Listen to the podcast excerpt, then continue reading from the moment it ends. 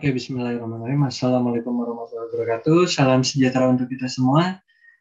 Teman-teman bersatu seikat, kembali lagi di podcast ini. Kali ini kita akan ngobrolin tentang dunia IT lagi. Nah, tapi karena kita selalu dengar ya, dunia IT ini nggak cuma coding, banyak banget, luas banget gitu. Nah, hari ini kita akan ngobrol sama seseorang atau praktisi yang ada di bidangnya. Panggilannya sih Icus ya. Nah, nanti kita tanya aja nama lengkap. Henry Henricus. Siap. bla bla bla bla yang nanti kita biar kasih kesempatan uh, Icus apa namanya backgroundnya kayak gimana aktivitasnya apa siapa sih Icus ini gitu. Ya, Cus silahkan perkenalan uh, ke teman-teman ya. Kita akan membuka meja ini untuk mulai bercerita. silakan Cus. Oke, Kak Uji, uh, makasih ya udah dikasih kesempatan untuk uh, ngomong di podcast ini. Uh, saya Angga, dipanggilnya Icus, agak jauh ya. Cuma uh, emang karena nama saya, ya udahlah panggil aja Icus lah ya. Saya dari kecil uh, SMA kuliah di Bandung. Uh, sekarang kerja sih biasa di Jakarta sebagai uh, IT ya, guru IT. Uh, dulu di kuliahnya juga ngambil IT, kebetulan. Cuma masuk kuliahnya itu dibilang nggak sengaja, ya mungkin nggak sengaja ya, karena soalnya formulir aja dibeliin, kalau nggak salah dibeliin sama tante gitu ya. Hmm. Uh, jadi karena SMA itu banyaknya hahihi aja mungkin ya, yang penting cari tongkrongan, uh, main-main ke sana kemari. Baru seriusnya tuh mungkin di kelas 3 akhir-akhir lah ya. Nah, jadi arah tuh arah dan tujuan hidupnya mungkin masih belum jelas saat itu. Yang jelas uh, pengen kuliah bener tapi nggak tahu mau kuliah apa gitu. Jadinya dibeliin uh, formulir itu saya di Maranatha sama tante kebetulan. Terus jurusan IT ya udah masuk sana keterusan lah. Cuma ya akhirnya dijalani dengan segenap hati sih kuliahnya. Gitu aja. Nah waktu awal kan karena emang dibeliin tuh formulirnya terus IT nih. Terus apa yang ada di benak itu seperti itu ya? Maksudnya eh, IT barang apa ya ini ya yang akan saya hadapi? Makhluk apa nih yang akan saya hadapi? Waktu itu apa sih yang terbayang sama itu waktu pas masuk kemudian ah setelah ini saya bakal berkarir apa ya? Gitu. Udah udah ada bayangan itu belum sih jadi nah. yang pertama ya itu tadi ya gitu makhluk apa? Itu terus yang kedua wah the plan-nya apa nih gitu? Eh, kalau buat jurusan ya dari kalau sudut pandang saya di dari dulu SMA kayaknya ngelihat semua segala macam jurusan itu ya aneh ya. Kenapa sih harus ada spesialisasi ini spesialisasi itu gitu kan? Cuma eh, dulu sih ya hajar aja ya. Apa yang paling kira-kira paling masuk aja dulu ya. Nggak sih nggak hobi komputer juga. Cuma kalau ngoprek terus benerin komputer sendiri ya udah emang dari dulu aja kalau ada gitu ya daripada ngeluarin duit coba-coba ngoprek sendiri dulu. Ya paling apa ya IT itu paling mungkin paling paling general ya kalau yang saya anggap dulunya ya.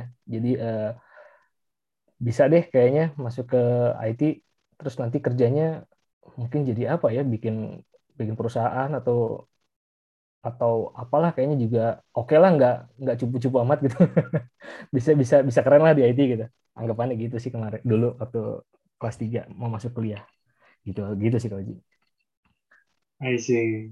Nah, akhirnya setelah di tingkat akhir nih, apa tuh yang terbayang sama? Oke, ini udah di penghujung nih gitu kan. Uh, uh. Mau ngapain nih gitu. Nah, waktu itu akhirnya terjun pertama berarti karirnya sebagai apa? Nah, uh, dari kuliah, kebetulan waktu itu saya bisa jalanin kuliah uh, tepat waktu ya. Jadi uh, sebelum wisuda itu sempet ya semi magang kali ya sambil nunggu wisuda saya kerja di salah satu apa sebutan ya mungkin industri kreatif ya di Bandung ya dulu kalau teman-teman tahu acara keken itu saya pernah develop salah satu seri webnya hmm. nah, di situ saya ketemu sama orang-orang yang bener-bener backgroundnya tuh banyaknya ya bukan IT ya, cuma bener-bener orang-orang itu ber, berpassion lah ya, uh, kreatif, terus uh, circle-circle-nya juga ya positif semua lah gitu. Untuk orang-orang Bandung tuh oke-oke lah gitu. Saya pikir ke depannya sih bakal bakal berkarir di situ. Cuma uh, IT-nya kayak nggak terlalu gimana ya, nggak terlalu bold gitu, nggak terlalu hmm, terlalu mungkin nggak ada bimbingan untuk lebih explore explore kalau di sana ya di IT-nya ya.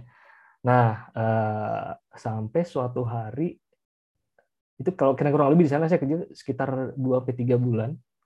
Terus dapat telepon dari salah satu HRD perusahaan entah nggak tahu dapat database dari mana. Ya, ya saya sempat ikut ikut uh, job fair sih uh, cari-cari posisi-posisi IT kan. Cuma lamar lamar lamar lamar malah yang kalau nggak salah yang ini saya saya nggak lamar cuma saya nggak tahu dia dapat database dari mana.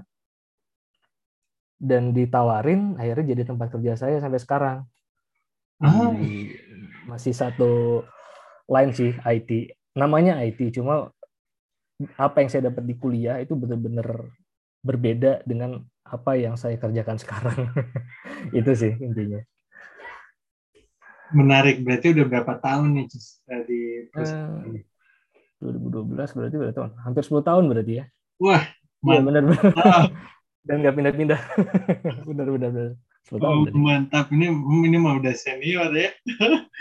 Perjalanan panjang. Nah, terus kalau misalnya di bidang ini ya, berarti ya. waktu pas uh, awal masuk tuh berarti posisinya ngapain di IT? Apakah itu coding atau non codingnya gitu ya di IT ini? Terus apa sih hal-hal yang uh, tadi kan itu sempat cerita nih uh, ternyata berbeda ya gitu.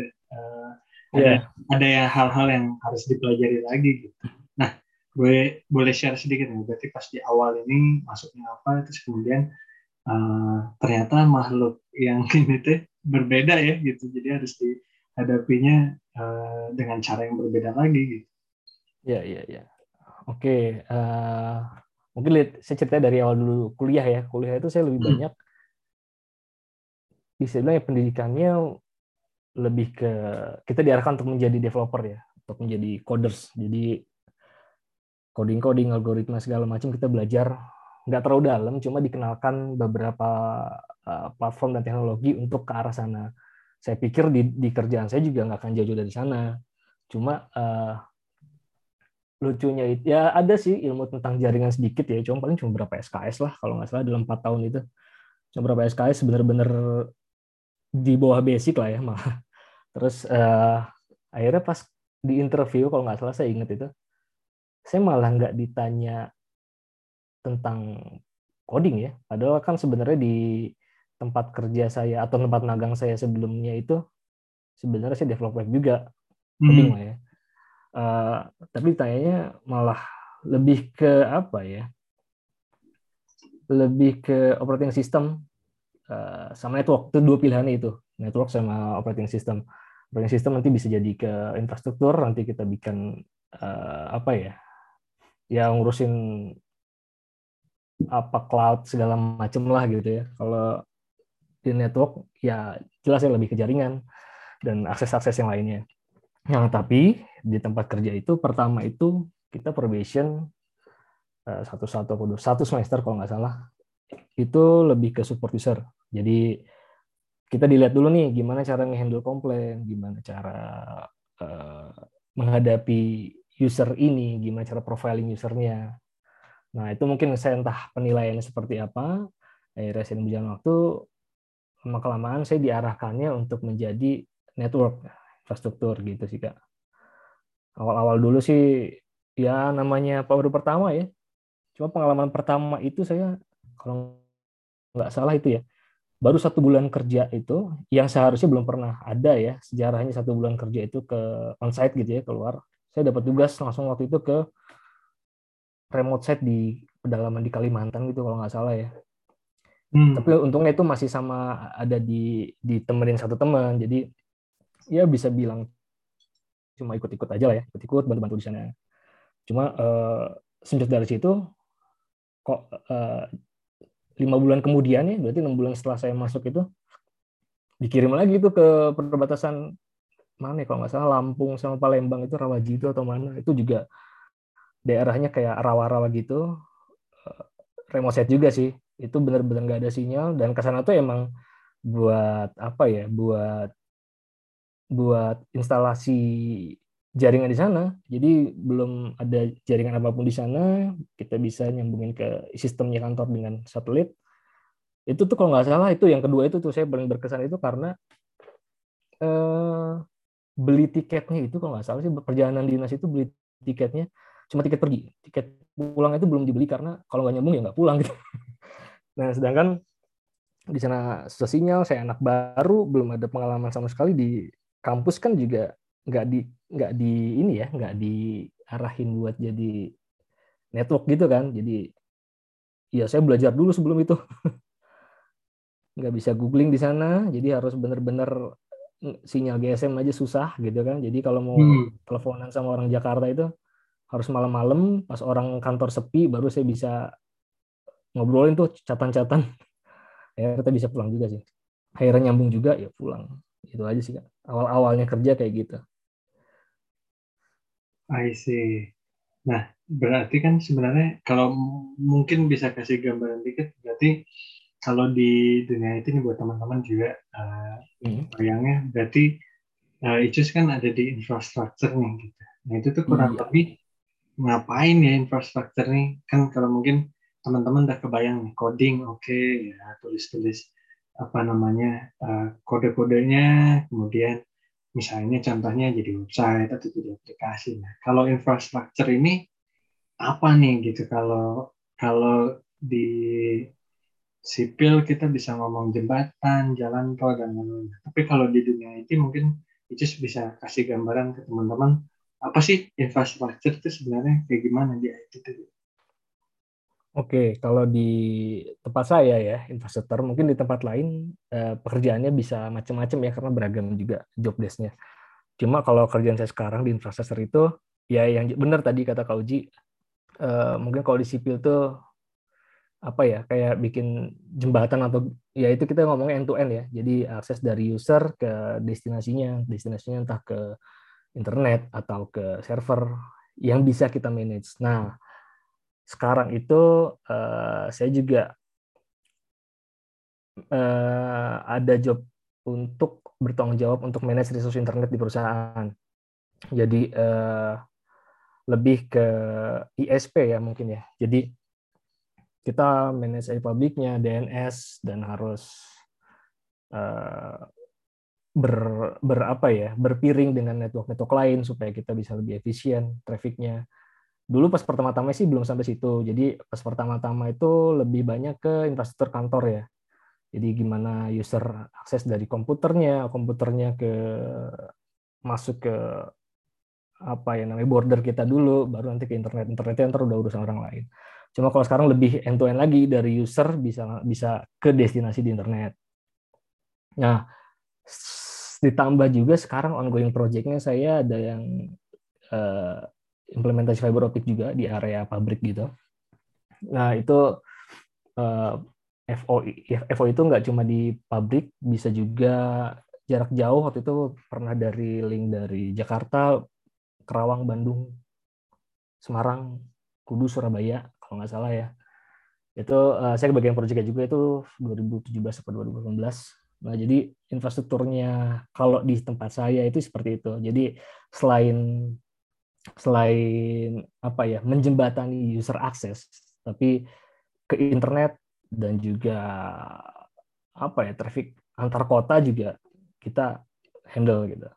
Gitu sih. Jadi day to day-nya ya kita monitor uh, forecast kebutuhan sama provide forecast kebutuhan itu berarti dari hasil monitoring kita lihat performance-nya terus uh, bisa forecasting kebutuhannya. Kita kira-kira tahun depan tuh butuh bandwidth ya bandwidthnya seberapa besar lagi tahun bandwidthnya atau apa yang bisa diefisienin dari pembagian bandwidth itu. Uh, routingannya ke mana kita juga troubleshoot kalau ada user atau customer yang komplain. Terus desain juga ya kadang-kadang desain buat desain from scratch jadi kalau ada orang bikin kantor baru atau emang developer baru berarti kan network di dalam kantornya plus dari kantor itu gimana caranya ke data center. Itu berarti kan harus pakai FO, kita harus hubungan sama vendor juga. Siapa yang bakal ngerjain. Ya seperti itu sih Kak Oji. Kalau infrastruktur sekarang plus ditambah kerjaan kecil lagi berarti ada lagi ya. Uh, saya ada job untuk uh, security audit juga. Jadi untuk untuk aset-aset digital perusahaan yang berupa web app, uh, aplikasi mobile juga. Itu jadi sebelum sebelum di live in, jadi mungkin pas masa staging atau secara periodik saya audit security-nya di situ. Apa lagi ya? Ya itu sih job saya sih. Jadi infrastruktur plus plus ya kayaknya. yang saya kerjain. I see. Ya maksudnya kebayangnya kan sekarang kayak uh, eh, IT, oh berarti coding nih gitu kan? Ya ya ya. Sangat jauh. Coding nih. Kan, maksudnya uh, dunia IT itu juga luas itu banyak hal yang ada supporting sistemnya juga gitu yang Iya betul betul. Yang istilahnya juga ada gitu ya pekerjaan itu gitu. Uh, dan hmm. harus dan harus ada yang mengerjakan karena kalau enggak ya codingnya jadi nggak lancar gitu ya betul, atau betul, betul. tidak bisa diakses ke mana-mana gitu. Hmm, hmm, nah selama uh, berkarir ini gitu uh, apa yang membuat akhirnya it just enjoy? Karena kan kurang lebih hampir 10 tahun nih gitu di di bidang ini ya gitu. Karena hmm, mungkin ada teman-teman yang uh, juga uh, akhirnya mundur dari IT atau akhirnya pindah dari IT satu ke IT dua gitu yang beda beda jenisnya nah tapi it just stay di sini. Ada ada faktor apa yang akhirnya oke okay nih enjoy banget nih di sini. Oke, kalau faktor yang bikin enjoy ya, saya rasa faktor terbesarnya itu saya dapat lingkungan kerja kebetulan yang benar-benar positif ya, dalam artian uh, mendukung karir saya untuk berkembang, uh, nggak cuma karir, job ya, karena sebenarnya kalau menurut pandangan saya ya, uh, yang saya kerjain ini adalah hal-hal yang uh, untuk mengenabler ya, mengenabler divisi-divisi lain untuk bisa lebih improve juga, lebih efisien gitu. Jadi sebenarnya nggak ada kayak kita kerja menunggu menunggu kerjaan atau kita cari-cari masalah. Nah itu saya pilih yang kedua, kita cari-cari masalah gitu. Misalnya apa yang bisa kita improve supaya kita nggak ngelakuin itu itu aja. Kadang-kadang kan eh, saya paling bosan tuh kalau ngelakuin hal yang sama berulang-ulang terus tiap hari itu saya pasti akan jenuh gitu ya. Cuma itu pilihan sih. Kita mungkin di kantor bisa kayak gitu. Termasuk saya juga mungkin bisa untuk mengambil pilihan itu. Tapi saya sendiri bosen gitu. Jadi mending kita cari-cari masalah aja. Apa sih yang bisa diimprove? Apa sih yang maksudnya kalau uh, supaya problem ini tuh nggak kejadian lagi di masa depan atau supaya orang lain tuh tidak terjebak di masalah yang sama. Ya kita harus cari sih harus terus belajar ya. Mungkin itu sih yang nggak bikin jenuh. Jadi saya kalau lagi jenuh ngerjain ini bisa ada opsi oh saya ngerjain ini dulu aja deh. Karena kebetulan atasan saya juga uh, apa ya ngasih kesempatan untuk saya bisa kayak gitu gitu. Jadi lebih semuanya lah kayak mendukung ya. Uh, lingkungan kerja sih yang paling lingkungan kerja sih yang paling ini sih paling besar faktornya paling besar berpengaruh ya untuk saya supaya tidak jenuh di pekerjaan ini Eh, sama atasan sih yang paling penting ya di lingkungan kerja dan atasan sih yang paling uh, membuat saya nggak jenuh. Gitu. Nah pembelajaran apa cus yang cus dapat dari sepanjang karirnya mungkin dari jadi magang terus uh, akhirnya juga kerja di perusahaan ini juga sudah lama gitu terus pembelajaran apa sih yang uh, akhirnya sangat-sangat bermakna gitu buat Icis gitu, dalam berkarir terutamanya di pekerjaan ini. Ya, uh, ini ya, uh, kalau kerjaan kayak saya itu, saya milih untuk berpikir malas gitu ya. Jadi supaya supaya saya malam bisa tidur nyenyak, weekend saya nggak diganggu gitu. Itu gimana caranya sih?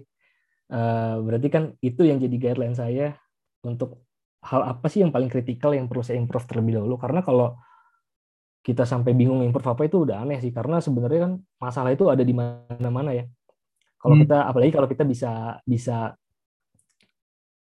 ya di situlah pentingnya kita tahu gambaran besar apa yang kita lakuin. Jadi eh, kalau kita tahu gambaran besar apa yang kita lakuin, kita tahu ada titik-titik yang perlu dihubungin. Itu titik itu banyak banget dan sampai sekarang itu nggak habis lah titik itu gitu. Itu yang yang apa ya jadi bahan bakar saya ya kalau lagi bosan atau kalau lagi bosan ngerjain untuk mengkoneksikan titik satu titik berikutnya saya bisa nyari titik lain dulu gitu. Jadi supaya jadi distraksi ya. Jadi supaya nggak bosan. Nah jadi saya pokoknya nggak boleh terjebak dalam rutinitas Terus uh, itu pilihan. Nah, terus uh, apa lagi ya? Kalau di IT ya seperti itu kita harus sadar posisi kita. Uh, kita juga nggak boleh nunggu kerjaan sih kalau menurut saya. Ya. Jadi kalau mau kerjaan tuh ya kita anggapannya pasif, mungkin bakal lebih cepat bosan ya kalau saya kayak gitu ya.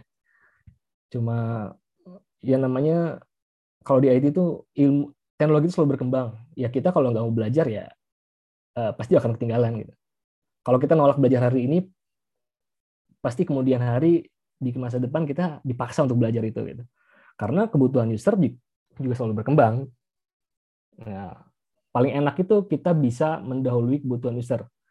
Jadi uh, kita punya pengetahuan terlebih dahulu, nanti suatu saat user butuh, kita nggak repot lagi cari bahan. Kita udah kayak punya apa ya, punya kisi-kisinya lah ya gimana caranya sih bikin solusi untuk user kayak gitu itu sih jadi lebih ke update update aja update ilmu pengetahuan ya kalau di IT sih I see. Nah kalau misalnya wejangan gitu mungkin dari atasan atau orang yang pernah ketemu di karir selama ini gitu apa sih yang pesan-pesan yang pernah uh, mereka kasih yang itu juga jadi pegangan gitu untuk jalanin karir ini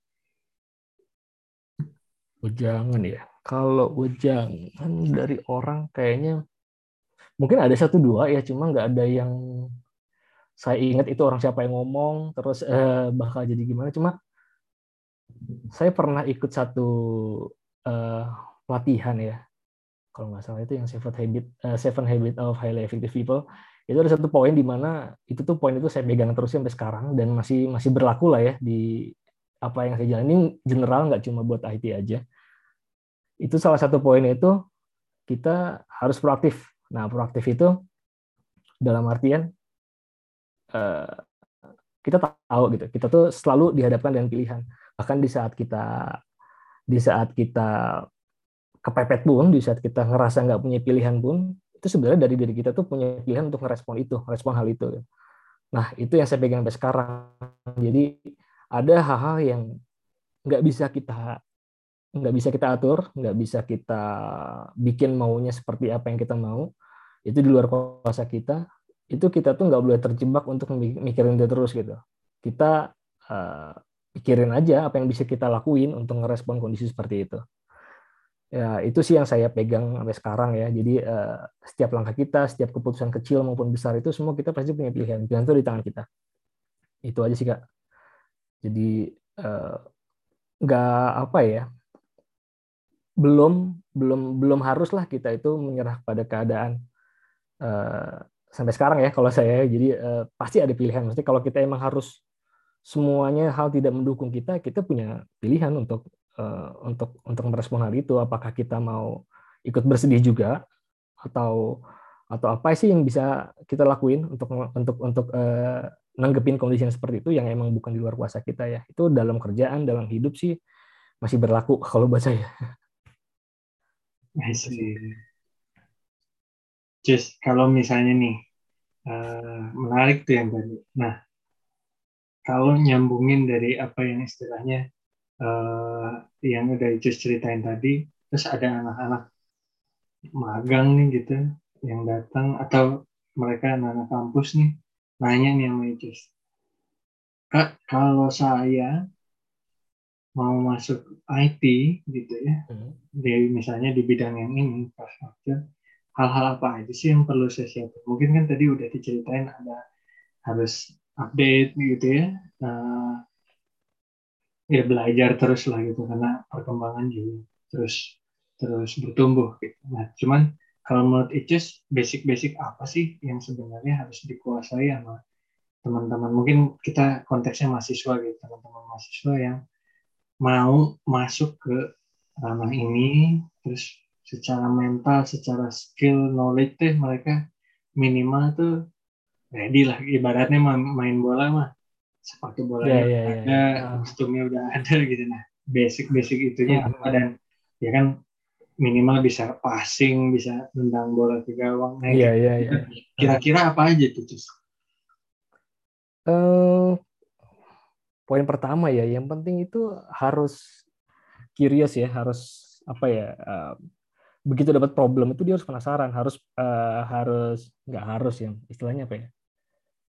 Uh, ya dia tuh pengen lah cari tahu uh, kalau dapat masalah itu masalahnya seperti apa, memandang sesuatu dengan objektif uh, berdasarkan data ya, jangan uh, dan kita tuh jangan selalu ngerasa oh saya udah pernah ngerjain ini.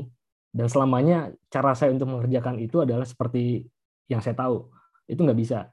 Jadi tetap uh, ngerasa diri itu nggak tahu apa-apa. Nggak tahu apa-apa.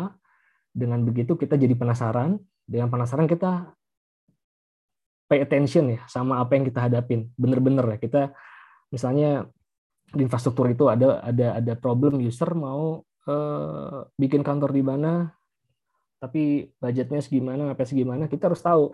Uh, itu tuh sebenarnya permasalahan user tuh beneran seperti itu apa enggak sih? Nah, kita harus analisa dulu masalahnya. Jadi berarti kemampuan analisa ya, yang selain selain rasa penasaran itu kemampuan analisa sama yang penting ya bisa googling. Itu aja sih sebenarnya semua udah ada di internet kan. Kalau kita baca tutorial mau ikut course atau training semua sekarang udah ada di internet. Yang penting bisa googling. Eh, memandang sesuatu semua secara objektif karena kalau di IT itu kan ada kayak pakem-pakemnya ya yang diatur di RFC, IETF itu jangan diabaikan karena kadang-kadang kan eh, guide-nya kita itu atau apa yang kita dapat dari orang tuh oh oke okay lah gini aja udah nyambung kok. Nah, asal nyambung itu nggak cukup maksudnya asal nyambung harus uh, redundancy mungkin butuh atau nyambung tapi setiap hari Sabtu Minggu harus kamu liatin. Itu kan nggak nggak apa ya bikin kita tuh nanti terjebaknya tuh gitu-gitu aja gitu ya. Nah ya berarti bener-bener harus eh, paling penting sih penasaran ya. Jangan sampai ngerasa diri itu udah udah pernah ngelakuin ini dan ngerasa cukup akan hal itu. Itu aja sih. Kalau buat IT-nya ya buat infrastrukturnya Gitu sih kak. Yang penting kalau mau berkarir di dunia infrastruktur itu kalau males ya misalnya kalau uh, yang penting usernya happy uh, yang penting saya nggak repot itu agak susah sih. Yang penting harus penasaran dan ya itulah bisa cari tahu. Nggak ada yang nggak ada yang spesifik lagi sih sebenarnya. Semuanya bisa dipelajari lah sebenarnya I see, I see. Terus nggak kerasa ini udah di penghujung. Serius? Cepet ya. ya baru perkenalan. baru kenalan. Semua juga pada gitu, pada komen. Ya elah katanya. Nah, baru baru baru lagi dengerin mulai. Ya udah di potong. Yeah ya biar pada kangen. Jadi kan nanti oh gitu. Jadi mau pada belajar lagi gitu. Karena oh iya ya nah, kemarin kepotong sini terus pengen tahu lebih dalam. Nanti bisa dengerin lagi ngobrol lagi. Atau juga yeah, bisa yeah. googling sendiri gitu. Kayak Icis tadi ceritain. Nah kalau uh, berkaca nih just last question gitu. Kalau kita berkaca lagi sama yang di awal interviewnya Icus uh, bukan coding yang ditanya gitu. uh, hmm. tapi hal-hal di luar itu gitu. nah akhirnya ya kayak misalnya si uh, in, intinya sih komunikasinya nah menurut Icus uh, seberapa penting sih posisi komunikasi itu dalam terutama pekerjaannya Icus ya gitu. Uh, maksudnya seberapa penting di di di di dunia IT-nya gitu kak? Iya betul betul. Oke. Okay. Uh, eh, Makin ke sini saya lihat ya dulu saya ngerasa uh, bagian saya paling penting dulu pasti ngerasa kayak gitu kan. Hmm. makin ke sini saya uh, emang apa ya? Semua orang tuh punya spesialisasi masing-masing. Ada bagian yang coding, ada bagian yang seperti saya, mungkin ada bagian yang lain. Itu kalau salah satu komponen nggak ada atau salah satu komponen nggak kuat, uh, pasti di situ titik lemah itu bisa jadi masalah. Jadi menurut saya nggak ada yang lebih penting. Semua tuh yang penting tuh uh, gimana caranya IT itu kan mostly lebih ke apa ya? Uh, sisi support buat core bisnisnya ya. Atau mungkin kalau yang core bisnisnya IT juga sebenarnya disupport oleh IT IT lain juga. Nah, produk yang dijualnya misalnya uh, software itu kan juga punya tim-tim yang di luar software di luar coders juga yang emang harus oke okay, gitu jadi nggak ada yang lebih penting satu sama lain emang semuanya harus gimana caranya semua bisa berkolaborasi itu lebih penting sih. Jadi eh, komunikasinya antar IT yang satu dengan IT yang dua, IT bagian satu dengan IT bagian yang lain itu harus harus oke okay juga. Jadi nggak ada yang lebih hmm. penting sih. Semuanya kalau dikerjain bener-bener itu pasti impact-nya luar biasa buat perusahaan dan buat diri kita sendiri. Itu sih kak. Nggak jadi uh, untuk pertanyaan terakhir ini saya jawabnya nggak ada yang lebih penting sih karena tanggung jawab masing-masing itu sama-sama berat, sama-sama harus dikerjakan dengan benar-benar. I see. Jadi itu dia ya kerja sama tim. Jadi komunikasi antar tim ini sangat sangat krusial karena kalau ada satu yang merasa lebih penting nantinya jadi jomblang ya gitu. Karena kadang-kadang kadang-kadang kalau kalau kita ngerasa lebih penting itu apa ya cenderungnya tuh kita nggak mau dengerin gitu.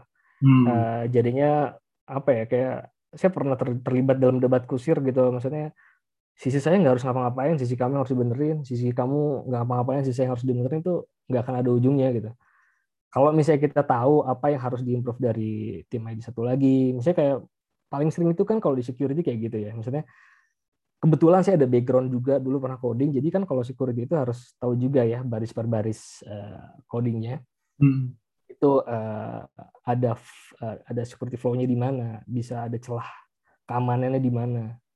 Nah itu uh, kalau saya nggak tahu saya bisa nanya, ini tuh kenapa kayak gini alasannya. Mereka juga bisa nanya rekomendasinya. Oke okay, kalau kayak gitu rekomendasinya seperti apa yang comply sama security gitu sih. Jadi intinya sih komunikasi ya. IT juga harus bisa komunikasi sih, nggak bisa nggak bisa di depan belakang komputer juga. Kadang-kadang saya ngobrol sama vendor, kadang ngobrol sama klien juga emang itu tuh harus harus baik komunikasinya. I see. Ya itu pesan pentingnya sih tadi ya. Uh, dengan kita tidak merasa lebih penting, kita membuka komunikasi yang lebih terbuka, jadi alirannya yeah. jadi mengalir Betul. baik gitu sih. Betul. Ada. Henricius Angga Nugraha, terima kasih banyak sudah berbagi. Tidak terasa ya. Tidak terasa. Akhirnya melalui juga perjalanan panjang berceritanya.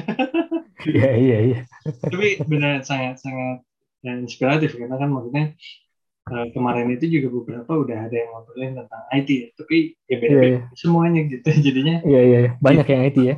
Ah, tidak seperti yang dibayangkan uh, teman-teman awam gitu bahwa IT teh yang coding gitu kan sebenarnya ada yeah, yeah, yeah. ada yang bisa kerja di rumah ada yang pergi ke pelosok-pelosok, ya kan? Ada yang yeah, yeah, yeah. kantor di eh, kantor aja gitu. Iya iya iya benar-benar. Sama ya. Lama-lama hidup tuh berdampingan sama itu sih. Betul. Pasti ya. Pasti pasti benar benar. Karena ya ya udah zamannya udah arah ke sana ya gitu. Dan sekarang yeah, kita, yeah, kita udah merasakan gitu dengan kemudahan itu akhirnya kita bisa bikin podcast lah seperti ini. Bener juga ya. Kejauhan. Kalau enggak kan dulu harus just kapan kita ketemu di lapang futsal gitu atau di di tempat makan yeah. gitu kan harus gitu sekarang. Cuma futsalnya aja yang belum bisa online ya. Nah itu dia. Aduh, just thank you banget ya, just Angga Nugraha. Sama, Pak Udi. Sudah berbagi. Terima kasih juga. Semoga sehat-sehat semua, satu keluarga. Karirnya ya. juga sukses selalu. Just thank Amin. you. Sehat-sehat. Terima kasih, Pak Uji. Sehat-sehat juga. Eh.